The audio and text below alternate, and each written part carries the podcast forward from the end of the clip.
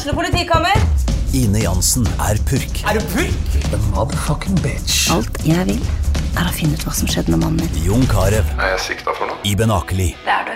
Ole So, Lars Berrum og Big Daddy Karsten. Hvem sin side er du på, egentlig? Anette Hoff, Tone Danielsen, Kommer du fra Afrika? Jørnis Josef, Nesten. Kløfta. Trond Espen Seim, Det er synd å si det, men det var feil mann som døde. Purk. Premiere tirsdag på TV2 Play. Ungsamtalen fra DNB er økonomisk veiledning tilpasset deg som er ung. Bokk en ungsamtale på dnb.no. slash ung. Det er kjempebra hvis du skal inn på boligmarkedet, hvis det er drømmen din, liksom. Det er det du skulle sagt. Og så kunne du ropt litt mer, da, sånn som jeg gjorde. Bam! Åh,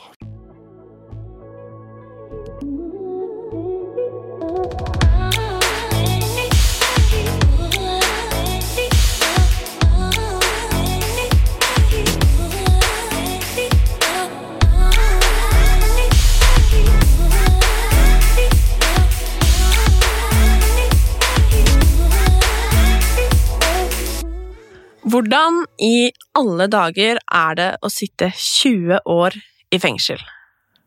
Hvorfor i alle dager gjør man noe kriminelt når man kjenner til risikoen? Hvordan er det egentlig å sitte i fengsel? Og hvordan er det kriminelle miljøet sånn fra innsiden? Glenn er dagens gjest. Om jeg hadde møtt ham på bussen, så hadde jeg kanskje tippa at han var lærer, kanskje bankmann, eller ja, jeg vet egentlig ikke. Jeg hadde i hvert fall ikke tippa at han hadde to dommer, at han i årevis har smugla narkotika, og at han kjenner Oslos underverden inn og ut. Han er en av de såkalte bakmennene, en av de man ser på film, og en av de man kanskje egentlig ikke ser, men som man bare hører om. Jeg skal være helt ærlig og si at jeg kan være ganske forbanna på Glenn på grunn av det han har gjort. Mye fordi min egen onkel har vært narkoman, og sannsynligheten for at Glenn har vært med på å forsyne han med stoff, er ganske stor. Samtidig så er det vanvittig mye jeg lurer på, og det irriterer meg nesten at han er så hyggelig som han er. At han er så snill. Og har han alltid vært det? For hva i alle dager er det som styrer deg, og som gjør at du velger å bli kriminell, når du velger å smugle, og når du velger å utsette både deg selv og andre for fare? Jeg har ikke peiling, men forhåpentligvis så skal Glenn gjøre både meg og deg litt klokere med sin ganske heftige historie.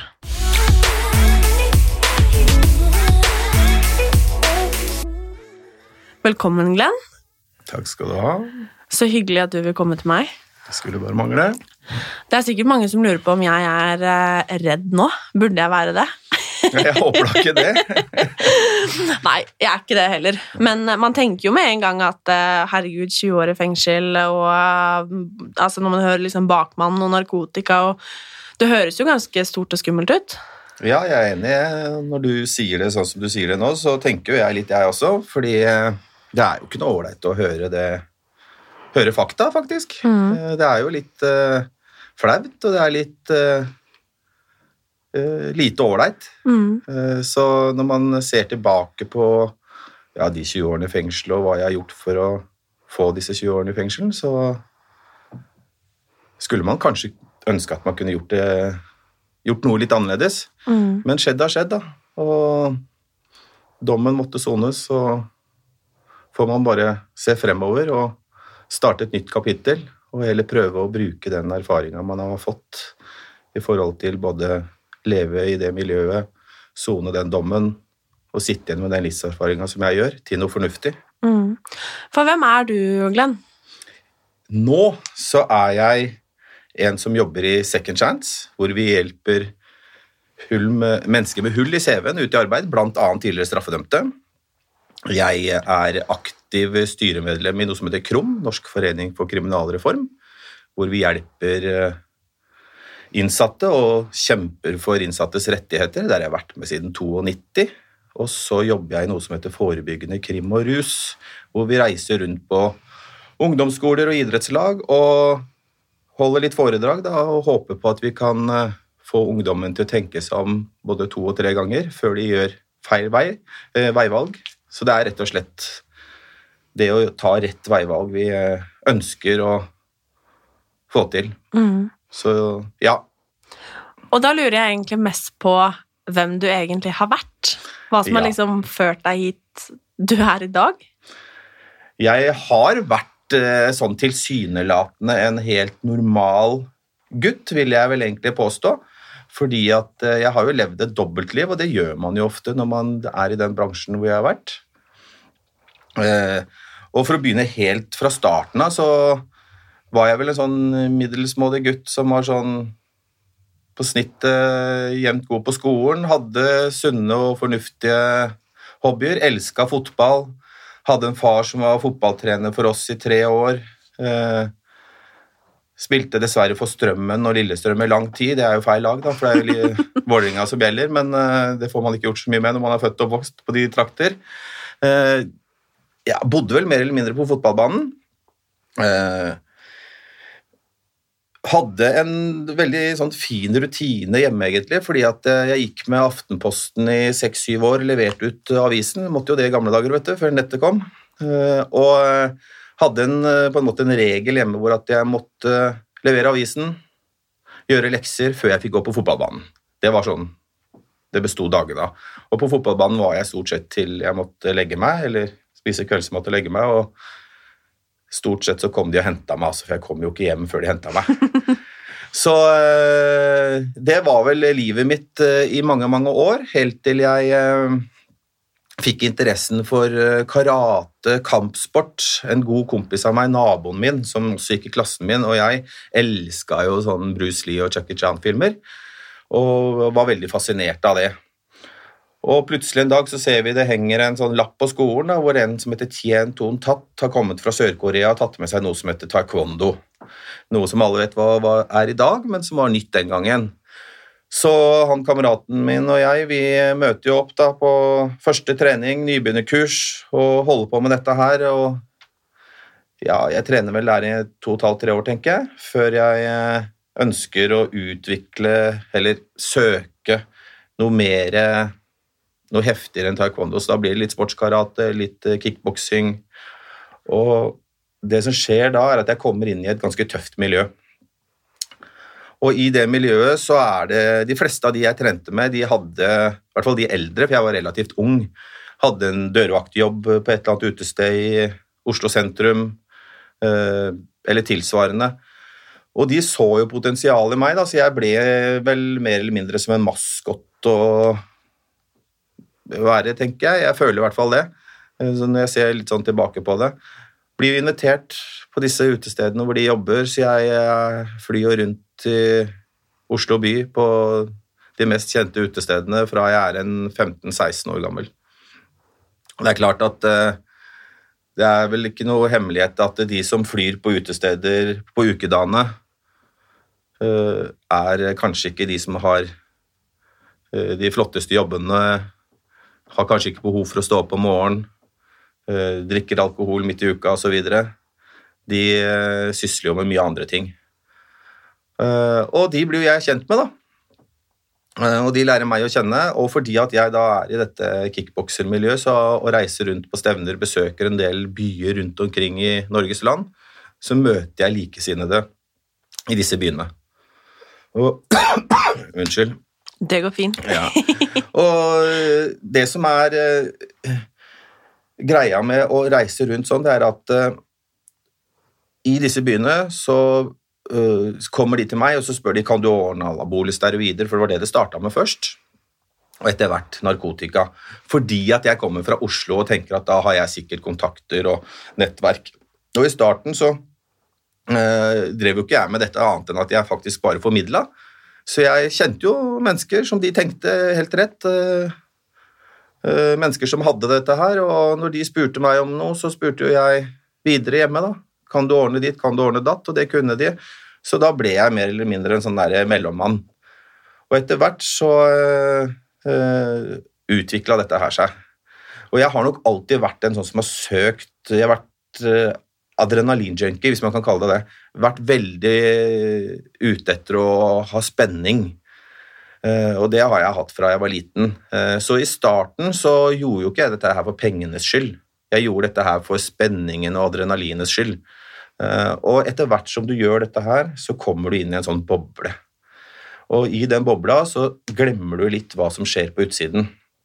Og etter hvert så blir du så god på dette her at da lever du et dobbeltliv. Du lever det normale livet med de vennene du har hjemme på barneskolen og rundt deg som ikke vet noen ting om dette andre livet. Og det blir du veldig god på etter hvert.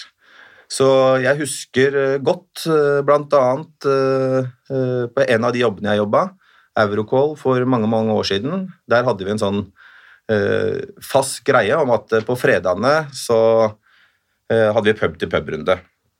Og da var det gjerne en sånn bonusutdeling hvis noen hadde klart budsjettene sine eller gjort det spesielt bra. Så vant man kanskje eller fikk en flaske vin eller ja, et eller annet sånt noe. Og så, vi, og så hadde vi tappanlegg da, eh, på, der vi spiste, og det var jo flott. Da satt vi ofte og tok noen halvlitere før vi dro på byen, dro på byen, og så dro vi på sånn pub-til-pub-runde. Og da var jeg alltid opptatt av at jeg ville veldig gjerne dra på vestkanten.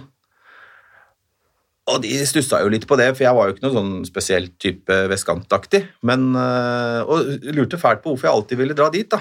Men det var jo fordi at jeg visste at på østkanten så vanka jo alle disse gutta som jeg eh, trente med, og som jeg deala med. og Det var jo viktig for meg at de på jobben ikke møtte dem, for hvordan skulle jeg klare å takle et møte mellom dem?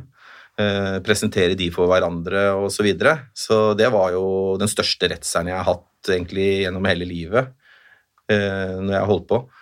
Uh, og fikk jo veldig ofte vilja mi. da. Uh, fikk jeg ikke vilja mi, og de fant ut at de skulle på østkanten, så fant jeg en eller annen dårlig unnskyldning på at jeg måtte noe annet, eller et eller annet, for da turte jeg rett og slett ikke å være med. Uh, så dette gikk jo veldig bra. Jeg klarte faktisk å leve det livet i mange år uten at disse to vennekretsene møtte hverandre, og at dette her ble da kjent at jeg levde dette dobbeltlivet. Så ja, eh, så utvikla dette her seg fra å være mellommann til å eh, Et ønske om å ordne disse tingene sjøl istedenfor å være avhengig av at andre skulle gjøre det hele tiden. Hvor gammel var du da? Jeg eh, begynte Første gangen jeg henta amfetamin i Sverige, for det var der vi henta det da, da var jeg sånn 15-16 år. Da smugla jeg amfetamin fra Sverige til Norge. Og det var etter at eh, en kamerat eller Det blir litt feil å si kamerat. Jeg velger å ikke si navnet hans nå. Eh, han er død. Han døde av en overdose. Og en annen som også var tilknytta han kameraten, er også død i dag av overdose. Når jeg reiser rundt og holder disse foredragene, så nevner jeg navnet. Men jeg vil ikke gjøre det nå. Det er litt i forhold til familien deres. Mm. Men dette her er jo en rød tråd i disse foredragene. og Det som er viktig å få frem da, og som jeg stusser litt på i dag, som jeg ikke tenkte så mye over den gangen, var at han var vel en sånn 37-38 år. Han, og du var 15-16? Og jeg var 15. Og han kommer da på puben som er på Greverud, der hvor jeg er født og oppvokst, og spør meg en ettermiddag, fredags ettermiddag om jeg kunne hjelpe han med å kjøre han rundt og levere noen småting. Og da tenker jeg først at uh, jeg skal kjøre med moped eller lett motorsykkel, som jeg hadde da. Uh, men så ville han ikke kjøre bil. Og en kamerat av meg og jeg vi hadde stjålet en bil i tidligere uka, så jeg hadde en stjålet bil stående litt oppe i gata. Så jeg sier at jeg har en stjålet bil, så jeg kan kjøre deg med den. Og så er det, For å gjøre en lang historie kort, så går den kjapt gjennom hva jeg må passe på for at jeg ikke skal bli stoppa, og at jeg ikke må stoppe for politiet osv. Og, og så reiser vi rundt da, i Oslo by, hvor han da løper opp, leverer stoff, får penger, gir meg pengene, jeg tar vare på pengene mens han løper og leverer nytt. Og etter en time og halvannen så er det tilbake til Greverud, og da har han levert alt stoffet. Uh, og, så får jeg noen tusenlapper for dette her. Og så sier han til meg at hvis du ønsker å hjelpe meg med dette her fremover, så gjør jeg dette her hver fredag, for da leverer jeg ut og henter penger. Så kan du være med på det, så får du litt penger for det. Der starta det. Mm. Og så går det ikke mer enn eh, Og da hadde jeg allerede holdt på med litt anabole steroider og sånn, så det begynner jo ung, da. Eh, så går det vel ikke mer enn et halvt års, års tid før jeg finner ut av at uh, han personen som leverer til uh, han jeg kjørte for, han uh, som jeg også blir kjent med etter hvert, for jeg henter jo for han også mm. Han, han Istedenfor at han henter der, så kan jo jeg ordne det. For jeg har jo en som jeg trener sammen med, som jeg vet henter dette her i Sverige. Så det jeg gjør, er at jeg prater med han treningskompisen min, og så sier jeg at du, har du noen prøver på de greiene dine? Amfetamin vi snakker om nå. Ja, det hadde den. Nei, for jeg tror kanskje jeg har en som er interessert. Kan du sende med meg en prøve? Så får jeg med meg denne prøven, leverer den, og han tester dette her, og det var kjempebra, visstnok, og mye bedre enn det han var vant til å få. Så han lurte på om jeg kunne ordne mer. Og det kunne jeg jo. Og så henter jeg en hekto til han, da, 100 gram, som han får. Øh, Og betaler, Jeg vet jo hva han betaler fra før, han, og, var, og jeg tjente litt penger ved å ha den samme prisen, for jeg fikk det relativt billig i forhold til hva han betalte. Så jeg gir han den samme prisen, så da får han en bedre vare av meg til samme prisen. Og det syns jo han var kjempeflott. Og så går det jo ikke mer enn øh, jeg tror det gikk en 14 dagers tid, så spurte han om jeg kunne ordne mer. Og det kunne jeg. Eh, Og da tenker jeg at eh, hvorfor ikke bare hente dette sjøl? Så jeg spør han der treningskompisen min om det er mulig å være med og spleise på neste levering. Og det var jo ikke stor Han henta en halvkilo om gangen. Så sier han at ja, jeg skal hente en halvkilo da og da. Det var en måneds tid etter det her. Eh, hvis du vil, så kan, du, så kan vi kjøpe en kilo, så kan du få den andre halvkiloen. Og da hadde jeg eh, spart en del konfirmasjonspenger som jeg hadde liggende, som selvfølgelig skulle brukes til noe helt annet. Eh, Men jeg hadde de pengene på rommet, eh, og min mor og far eh, hadde jo ikke noe tanke rundt at de skulle brukes til noe annet enn det som var tiltenkt, så de var jo ikke kontrollert om de pengene var der, og det visste jo jeg. Så da tenker jeg at vet du hva, nå henter jeg de pengene, og så bruker jeg de pengene jeg har tjent. Og jeg hadde også spart opp en del penger, for jeg hadde gått med Aftenposten i mange år. Så jeg hadde nok til å kjøpe denne halvkiloen. Og det han treningskompisen min forteller, er at han, hver gang han henta den halvkiloen, så lagde han en til to. Så da dro han på apoteket og så kjøpte noe til, som man kan blande ut dette her med. ikke sant? Så jeg var jo i en kjempelæringsprosess, jeg nå.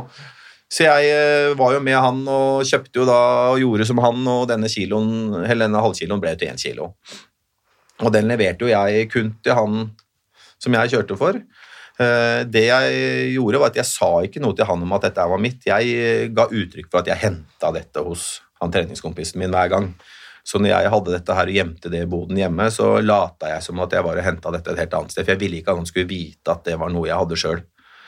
Og da begynte det jo faktisk å falle inn litt kroner også. Da begynte, begynte jeg å tjene mye penger.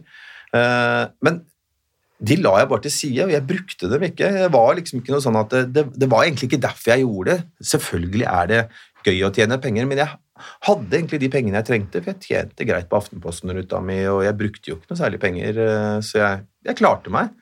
Eh, Men det var utrolig spennende. Og jeg husker den gangen vi kjørte fra Gøteborg og kom til grensa, og da kjørte jeg igjen en stjålet bil. Først, og så kjører han treningskompisen min og en annen kompis bak, så da kjører jeg over da for å se om det er kontroll, sant? og det var det jo ikke. Så kjører jeg litt lenger inn, for da hadde jeg fått beskjed om at uh, når du kjører forbi grensa, så er det også et stopp til hvor de ofte veier uh, lastebiler, der hender det at politiet står. Så jeg måtte kjøre forbi den før jeg på en måte ringte og sa at middagen var klar, at de kunne komme og spise. da. Så jeg gjorde jo det da og ga beskjed, og de kom over, og det var jo selvfølgelig Det var jo ikke noe problem, det var jo ikke noe kontroll, det hadde jo jeg sjekka og kjørte over, og dette her er jo en kjensgjerning at det er sånn man gjør det, sant. Eh, For meg var jo dette helt nytt den gangen. Og Var du her- redd da? det er det som er så skummelt, vet at jeg var jo ikke det heller. Og det sier jo litt grann om alderen og litt om at man egentlig ikke skjønner hva man driver med. Mm. Fordi at eh, jeg hadde jo aldri tørt det i dag. Eh, jeg ville jo ikke ha gjort det heller, men jeg har jo ikke noe ønske om det, men jeg hadde ikke tørt det heller. Så, så det sier jo litt om hvor ung og naiv man er, for man skjønner jo ikke hva man gjør. Og det er det jeg er så opptatt av å prøve å fortelle til disse ungdommene når jeg reiser rundt og holder disse foredragene som jeg gjør. Det er jo at eh, når du er 14-15-16 år, så skjønner du ikke konsekvenser. Du skjønner ikke at ja, det kan gå bra veldig mange ganger, men den ene gangen det går gærent, så kan du faktisk ende opp med 20 år i fengsel. Mm. Og i løpet av de 20 årene så har du god tid til å tenke. Og det er veldig kjipt for de barna du får, for jeg har jo to barn som da ikke opplever at pappa er frimann. Eh, Hva har de gjort for å fortjene at pappa skal sitte i fengsel? Ingenting.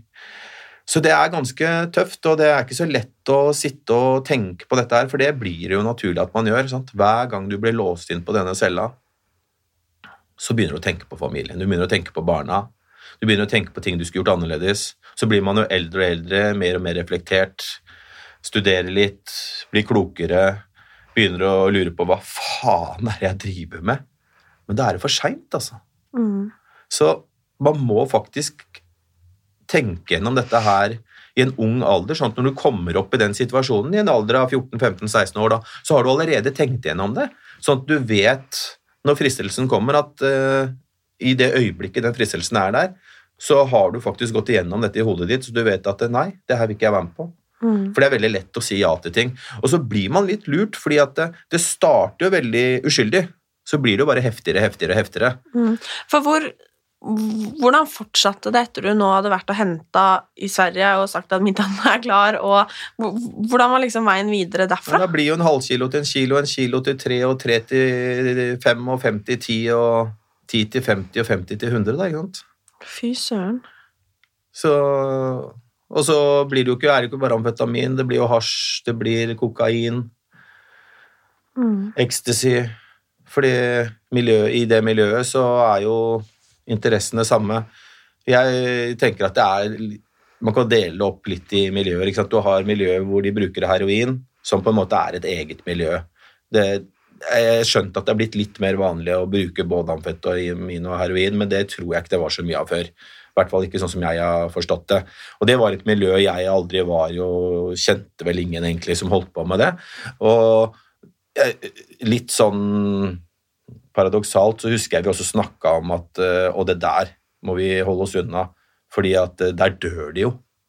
Sant? Mm. Uh, og vi, jeg husker en gang jeg gikk oppover Karl Johan forbi Burger King ved Kirkerista, så husker jeg så eh, en dame som satt inne, det var sånn utedo der før, så var det en dame som satt inne der og sov med nåla i armen, og da husker jeg det var så heftig, for jeg så det blodet som lå i den der eh, nåla, og tenkte, å fy fader, det der skal jeg aldri begynne med. Jeg får gåsehud til og med når jeg prater om det, og det der skal jeg, det vil ikke jeg være en del av. Eh, og det er litt teit å si da når jeg har holdt på med det jeg har holdt på med, men i en alder av 14, 15, 16, 17 år, så gjør det inntrykk, mens det at folk hopper rundt og danser og har det dritgøy på ecstasy, gir et litt annet inntrykk. For du skjønner ikke bedre når du er så ung. Det er bare kult, det. Men som en voksen så skjønner man jo at det, det er jo ikke noe av det her som er bra. Men det skjønner du ikke da. Så jeg tenker jo da at eh, de kompisa som jeg da ble kjent med rundt omkring på disse utestedene i Oslo by, og så veldig mange av de jeg trente med, som da var på housepartyer, eh, brukte amfetamin for å holde seg våken, brukte ecstasy for å danse og ha det gøy, røyka hasj for å få landa på kvelden, for å få sove. Det var helt normalt. Mm. Og det var en del av det livet. Og jeg tenkte jo da at eh, jeg egentlig bare gjorde de en tjeneste ved å skaffe de bra varer til en billig penge, så de skulle slippe å blakke seg og gå til andre og få noe utblanda dritt. Eh, og så, men som voksen person da, så tenker man jo litt annerledes. Mm. Det er jo ikke bra, dette her. Nei, men, men hvordan var liksom livet ditt Altså, det gikk fra å på en måte være fotballgutt til å liksom begynne å Ja, hva var det, kjøpe 500 gram som ble til eh, Eller en halv kilo som ble til en kilo, og så bare vokste det. Mm. Hvor, hvordan så livet ditt ut? Hvordan fungerte ting? Hvor, dette dobbeltlivet, altså hvordan var det? Nei, det fungerte jo eh, skremmende bra, da. Eh, og jeg husker jo den gangen jeg ble pågrepet. Da var jo min mor og far i sjokk, og det var vel egentlig alle venner og bekjente av meg og min mor og far også. For de hadde aldri kunnet forestille seg det. For jeg ble jo etter hvert Jeg var jo ivrig på skolen og og var jo en blid og flott gutt som bare var opptatt av sport og godt trent og øh, satte meg mål og ga meg ikke før jeg hadde oppnådd målene. Eh, sånn var det dessverre med denne narkotika nå. Derfor endte det med 20 år. Men, eh, men det var veldig målbevisst, så, så, så alle var i sjokk. Eh, og det er jo fordi at man blir utrolig god da, på å manipulere, man blir utrolig god på å ljuge eller komme med hvite løgner, for man trenger egentlig ikke å ljuge så mye, man trenger egentlig bare ikke å si all sannheten. Og la være å svare på en del spørsmål som du skjønner ikke er passende å svare på. Så følger jo ikke folk opp. For svarer du ikke på et spørsmål, så, så gjentar de jo ikke det. De, de, de aksepterer jo at du ikke svarer. Så man trenger egentlig ikke å ljuge så mye heller, men man blir veldig god på å leve det livet. Og det her ble jo jeg proff på. Så jeg eh, hadde jo det livet mitt hjemme, da, hvor alt var i skjønneste orden, hvor vi spilte fotball, hvor jeg trente, kom fra treninga, dro på kino med gutta, var med på klassefester osv. Og, så videre, og så hadde jeg dette andre livet hvor jeg eh, blant disse gutta som jeg trente med inne i Oslo by, ikke sant, vekk fra Oppegård, inn til de andre gutta som ikke visste noe om disse eh, litt mer rolige kompisene jeg hadde hjemme. Så det fungerte utmerket det, fram til den dagen jeg ble pågrepet. Mm. Og det var mange år. Kan jeg spørre om eh, hvordan du eh, gjorde dette her? Ja, eh, når du sier 'gjorde', så er jeg litt Jeg vet ikke helt hva du tenker på, men eh, Nei, men altså, jeg tenker en- hvordan Altså, jeg bare syns Ja. jo det er helt vanvittig. Um, og bare det Altså, jeg hørte du sa at du gjemte stoffet i boden eh, hjemme, liksom. Altså, hvordan ja, etter hvert så gikk jo ikke det. Det er klart at å gjemme en halvkilo og en kilo pakka opp i hektor inne ved vedstabberen nederst, hvor du vet at det tar litt tid før man kommer, det går. Men eh, når du begynner å bli 5 og 10 og 50 kilo, så gjemmer du ikke det boden hjemme. Det sier seg jo sjøl. Da må man jo finne andre steder å lagre dette her. Og det som er mest naturlig, og som vi gjorde, var jo at vi hadde folk som satt på lageret. At vi rett og slett betalte mennesker som hadde dette hjemme hos seg. Og da var det mennesker som var langt borte fra miljøet, og som ikke hadde noe som helst fokus rundt seg. Eh, som det var rett og slett var eh, null grunn til at politiet skulle besøke.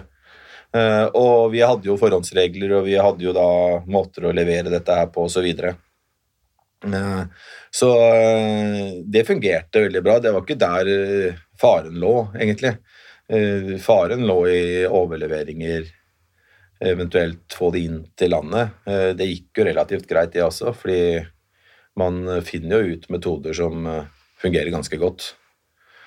Så man klarer det. Det er når man eh, blir kjent. Så jeg har en regel som sier at eh, hvis du først har blitt tatt en gang, så må du legge opp. For da er du oppbrukt, rett og slett. Den dagen du blir tatt for å selge narkotika, da, hvis du ikke legger opp på dagen da, så er du dømt til et liv i fengsel. Mm. Eh, Men det er klart det er jo ikke alle som klarer det. Jeg klarte det jo ikke, jeg heller. Så det endte jo med to runder i fengsel. Ja, jeg har jo så mange spørsmål. Ja, Hvor skal jeg begynn. begynne? um, hvor lenge holdt du på før du ble tatt? Jeg ble Første gangen så ble jeg arrestert i 93, og da var jeg 22 år gammel. Like gammel som meg, da. Ja.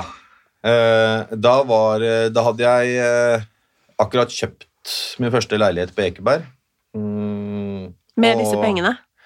Eh, Ja, både og. Egentlig ikke helt, fordi at eh, det var eh, litt arv og litt hjelp av foreldrene i bildet, og litt sånn nedbetaling med sånne penger, ja. Men, men ja, altså delvis. Til syvende og sist så endte det vel opp med det. Ja. Men da hadde vi hatt en fest hvor politiet hadde kommet på besøk Nei, nå ljuger jeg. Det var noen venner av meg hadde gjort et sjokkbrekk. Og så hadde de kommet til meg, og så hadde de blitt observert eller et eller annet inn der. Så politiet kommer på besøk, og da hadde jeg importert masse klær fra Thailand. Sånn eh, parallellkopier av Ralph Lauren og Armani og masse sånne ting. Så jeg hadde hele stuegulvet fullt med klær. Og når politiet kommer inn da, så tror jo de selvfølgelig at dette her er tjuvgods. De tenker jo ikke at dette her er importert. Mm. Så de eh, har jo full razzia. Og så finner de da 100 gram med amfetamin i en sånn cowboyboots ute på en sånn felles terrasse som eh, vi hadde. Og den cowboybootsen tilhørte jo meg, så da var det jo naturlig å tenke at dette her var mitt. Så da blir jeg varetektsfengsla. Og da sitter jeg i tre eller fire måneder, tror jeg. Og nekter jo plent, nekter å prate med politiet. For jeg har en policy om at eh, det å prate med politiet er dumt, så jeg går aldri over, prater aldri med politiet. Det har aldri vært sånn at politiet hjelper en eh, tiltalt med noe. Eh, og da ser jeg ikke noen grunn til å prate med dem heller. Jeg stoler egentlig ikke på det heller, for jeg føler at de vrir og vrenner på ting i, i din disfavør. Så jeg tenker at når det er min rett, så velger jeg å beholde ta vare på den retten. Men det ender jo opp med at man blir sittende litt lenger i varetekt, da. Eh, Så det er baksiden med det. Eh, Så jeg eh, blir sittende i varetekt, og så blir jeg løslatt, og så hører jeg ikke noe mer om dette her. Før i 97, hvor jeg blir pågrepet igjen. Og da er det litt mer enn 100 gram. Da finner de noen Da har de spana på en kompanjong av meg som eh, har vært på et lager, en kjellerbod, og henta ut en ja, kilo eller to av amfetamin. Og så eh, slår de til der, og så finner de da eh, ganske mye mer. Og så har de tydeligvis spana en stund. Altså de har spana på et par andre som har mottatt, som de da følger etter, og han ene blir jo eh, pågrepet, som eh, annet holdt til på Nesodden den tiden der. Eh, og han eh, mistenker jeg forteller litt mer til politiet enn han burde, gjort, burde gjøre, og da ender de opp med at de eh, arresterer meg til slutt òg. Hvordan eh, Altså, først, hvordan skjedde det? Eh, nå kjenner jeg ikke jeg helt eh, bakgrunnen til hvordan dette skjedde, for det er jo, politiet forteller litt i retten, men de forteller jo ikke alt. De går jo ikke inn på alt av spaning osv., men eh, man skjønner jo at de har spana en stund. Eh, og det var jo noen overskrifter som, eh, når jeg ble pågrepet, at eh, spanet sporadisk på i syv år uten at vi har fått arrestert han, visst at han har holdt på med salg av narkotika i en årrekke, hadde jo forsider i VG Dagbladet overalt. Jeg holdt jo en relativt lav profil, så det var jo ikke så mange som skjønte hvem dette her var, eller klarte å tenke seg til hvem dette var, annet enn de jeg, som var rundt meg. Eh, Og jeg har alltid holdt en veldig lav profil, i motsetning til en del andre som syns det er veldig kult å gå rundt og flagge dette her. Eh, Jeg var jo etter hvert mer flau enn jeg var stolt av det jeg drev med, så, så jeg valgte å holde en lav profil. Eh, og når jeg begynte å skjønne sånn smått litt hvor dumt dette her var, så var jeg så inn i det at det var ikke mulig å komme seg ut av det. Eh, så like før jeg ble pågrepet siste gangen for den lange dommen på 16,5 år, som jeg soner nå, eh, eller er i ferd med å avslutte, så eh, så, så så hadde jeg sagt fra til de jeg jobba med, at nå ønsker jeg ikke å være en del av dette lenger. Jeg ønsker å melde meg ut. Eh, Og det var faktisk et tema i retten også. Men som politiet sier, at vi kan jo ikke la være å dømme Glenn fordi man ikke er en del av dette her lenger. Når vi vet at han har holdt på så lenge og han har vært en del av dette nettverket, som de mente da. For det var jo tre ganske store saker som ble rulla opp etter hverandre, hvor de mente da at det var en tilknytning til hverandre. Og et stort nettverk, som de kalte det. Så da hadde, hadde de ikke rulla opp det, så hadde jeg nok kanskje aldri blitt dømt heller, og fått denne lange dommen og klart å komme meg ut av det og leve et normalt liv. Eh, Nå tenker jeg jo litt grann i dag at eh, for å se det positive i det, så hadde jeg kanskje ikke jobba med det jeg jobber med i dag hvis ikke jeg hadde fått den dommen. Og jeg hadde kanskje ikke valgt å bruke livet mitt til å prøve å hjelpe andre til å komme på rett vei. Mm. Så noe godt har det jo kommet ut av det, da, hvis man skal tenke sånn. Eh, og jeg føler jo at eh, når man sitter på den livserfaringa som jeg gjør, så er man nesten litt forplikta til å bruke den positivt. Det er også en måte å på en måte betale litt tilbake til samfunnet. Greit, jeg har sona 20 år og gjort det opp for meg på den måten, men eh, jeg føler også at hvis jeg kan hjelpe noen ungdommer der ute til å slippe å gå i den fella eller gjøre de feilene jeg gjorde, så er jeg egentlig litt forplikta til å, å gjøre det. Eh, og det som er så gøy når vi reiser rundt med forebyggende krim og rus, som er et eh, samarbeid eh, med politi, toll og kriminalomsorg, som jeg er en del av, så ser vi at det funker. Vi hører fra ungdommen når de kommer og prater med oss etterpå, at det gjør inntrykk. Og lærerne og disse som er i disse idretts, på disse idrettsarenaene som vi er hos, de kontakter oss i ettertid og forteller hvor bra det er. Da. Og, og det syns jeg er fint. Eh, og jeg tenker at eh, kombinasjonen eh, som er nå, den er, og seriøsiteten ved at både politiet og tolv kriminalomsorg er med, er viktig. Fordi at det at vi to andre innsatte og jeg forteller våre livshistorier som er helt forskjellige fra hverandre, men som på en måte treffer et veldig stort Vi treffer vel egentlig nesten alle, tenker jeg, som eh, er å høre på. Eh, I tillegg til Lovens lange arm osv. gjør dette her så bra. Mm. For hvordan i alle dager Jeg bare tenker på meg selv, jeg er 22 år, du var så gammel du var når du ble pågrepet første gang. Mm. Hva gjør man da? Altså, jeg bare tenker 22 år, du har egentlig hele livet foran deg. Altså, hva sier man til foreldrene sine? Hva, hvordan føles det? Ja, jeg, jeg husker jo at eh, jeg satt jo på brev- og besøksforbud, som det het den gangen. Det er jo full isolasjon, så da sitter du innelåst på cella di i 23 timer, og så får du en time fra 7 til 8 på morgenen hvor du kan lufte i et sånt strålebur oppe i Oslo fengsel, ikke sant? på toppen av taket der. Det er ganske heftig, da. Ja, Så da sitter man jo mer eller mindre inne på cella si hele tiden. Og det er klart at uh, foruten å lese bøker, da, så tenker man jo mye. Mm, og da begynner man jo så vidt å reflektere litt over det livet man lever, da, for det har man ikke hatt tid til, og man lever jo i den bobla, som sagt. Uh, og så begynner man jo å tenke på familien, og da er det jo veldig viktig at uh, familien er der og støtter deg.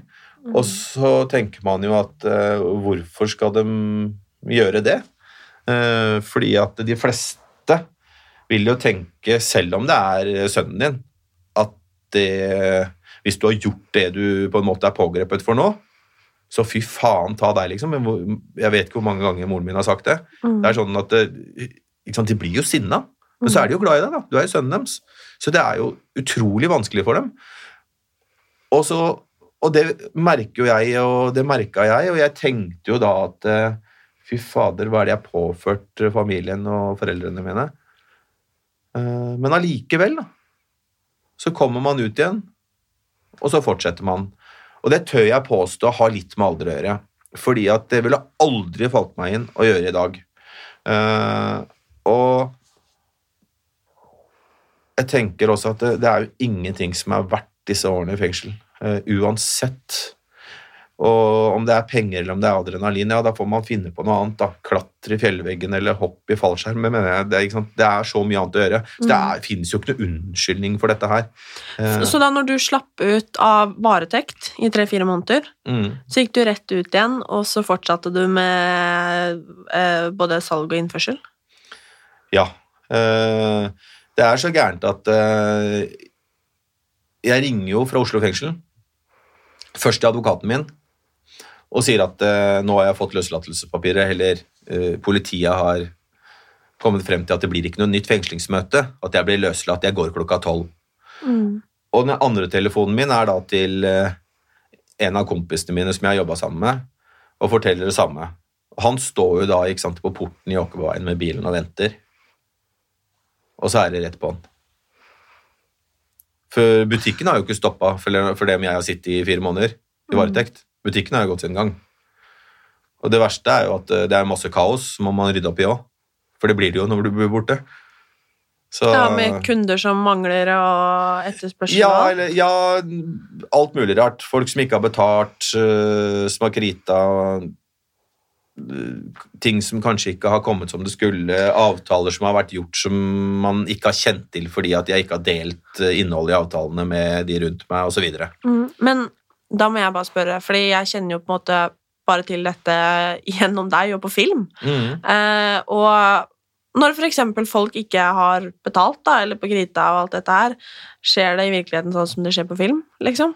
Hvordan man gjør opp? Ja, det er klart at eh, Vi er bor jo i Norge, da, så det Sett mye svensk krim, si. Ja, det, jeg tror nok det er en del heftigere i Sverige enn det er i Norge. Og det er nok eh, også heftigere i dag enn det det var den gangen. Eh, de fleste av de jeg hadde med å gjøre, var jo kamerater av meg. Sant? Eh, og man ønsker jo ikke å gjøre kamerater noe vondt. Og jeg var vel ikke anlagt på den måten at jeg ønska å gjøre folk noe vondt heller. Så var jo, da var det ofte noen av de jeg jobba sammen med, som tok hånd om dette her, for de visste at der er Glenn ubrukelig. så øh, og, Og sånn jeg tenker litt tilbake i dag, så er jeg kanskje litt glad for det. Uh, og jeg var vel faktisk der at jeg kanskje ikke ønska å vite så mye om det heller. Uh, men uh, det, skulle gå, det skulle gå ganske langt for at man vurderte å, å gi noen juling eller verre. Eh, da, og det skulle være store summer da. Eh, så det er nok mange der ute som har skyldt meg mye penger gjennom livet, som har sluppet unna med det. Mm. Apropos penger, jeg er jo litt sånn forsiktig, for jeg er jo litt redd for at det skal være fristende, mer fristende med penger enn å, enn å på en måte, hva skal man si, leve lovlydig, eller hva man sier. Men hvor mye penger kan det være snakk om? Med å leve et liv sånn som det du har levd? Jeg skjønner på en måte, en ting er nå, men når du på en måte var aktiv og man ser jo det også, så fine biler, dyre klær, ikke sant? Er det, er det sånn? Ja, det er jo Du har jo hørt uh, ordtaket 'easy come, easy go', regner jeg med. Mm. Og det er vel litt sånn. Eh, Jeg kjenner jo på det nå at eh, når du jobber fysisk hardt, lange dager, for en relativt liten sum i forhold til det det var snakk om den gangen, eh, så tar du mye mer vare på pengene dine. Du bruker de mye mer fornuftig, eh, og det er klart det begrenser seg også fordi du har mye mindre å rutte med enn det du hadde den gangen. Eh, Føles mye, mer, mye deiligere nå å få lønningsslippen enn selv om det er en tiendedel av det jeg lå på i måneden for noen år siden. Eh, Så, så når du tjener de pengene på den måten som jeg gjorde, så var det veldig lett å bruke de også. Og så er det jo noe med det at eh, det begrenser seg jo litt hva man kan bruke disse pengene på. For det, selv om det var eh, lettere å bruke uærlige penger før enn det det er i dag, i forhold til ja, lover og regler og digitale verden, visakort Før så var det bare kontanter. ikke sant? I dag så er det jo ikke kontanter. Eh, så det stopper seg jo på en måte. Eh, så, så det begrenser seg jo hva du kan bruke disse pengene på. Så enten så må du da reise mye og bruke penger i utlandet, for det klarer ikke norske myndigheter å fange opp. Eh, Men du kan jo ikke kjøpe noe eh, Du kan ikke kjøpe hus, du kan ikke kjøpe bil uten at det blir stilt spørsmål. Du må jo kunne klare å dokumentere disse inntektene. Mm. Hva er det meste du har kjøpt for på en måte kontanter? Er det lov å spørre om det? det var det meste, Nei, men altså, Hva er liksom det meste du har gått og kjøpt med disse pengene som liksom ikke har blitt oppdaga? Som ikke har blitt oppdaga, det tror jeg ikke jeg skal gå inn på. Men, Ok. eh, Greit, da legger vi den død. Det er gått ut av ansvar, si. Men eh, Så alt det du har brukt penger på Eller ikke alt, det forstår jeg, men er eh, Alt dette ble på en måte nøsta opp når du ble tatt? Ja, eh, og det er sånn at eh, man bruker opp de pengene man får. Det er veldig få i dag som har holdt på med kjøp og salg av narkotika som sitter med store verdier. Og det er litt morsomt, da, for at når du kommer i fengsel, sant, så Jeg har aldri møtt så mange verdensmestere og millionærer noen gang jeg, som jeg har gjort i fengsel. Alle er jo verdensmestere og millionærer. De fleste av dem har jo ikke nåla i veggen. sant?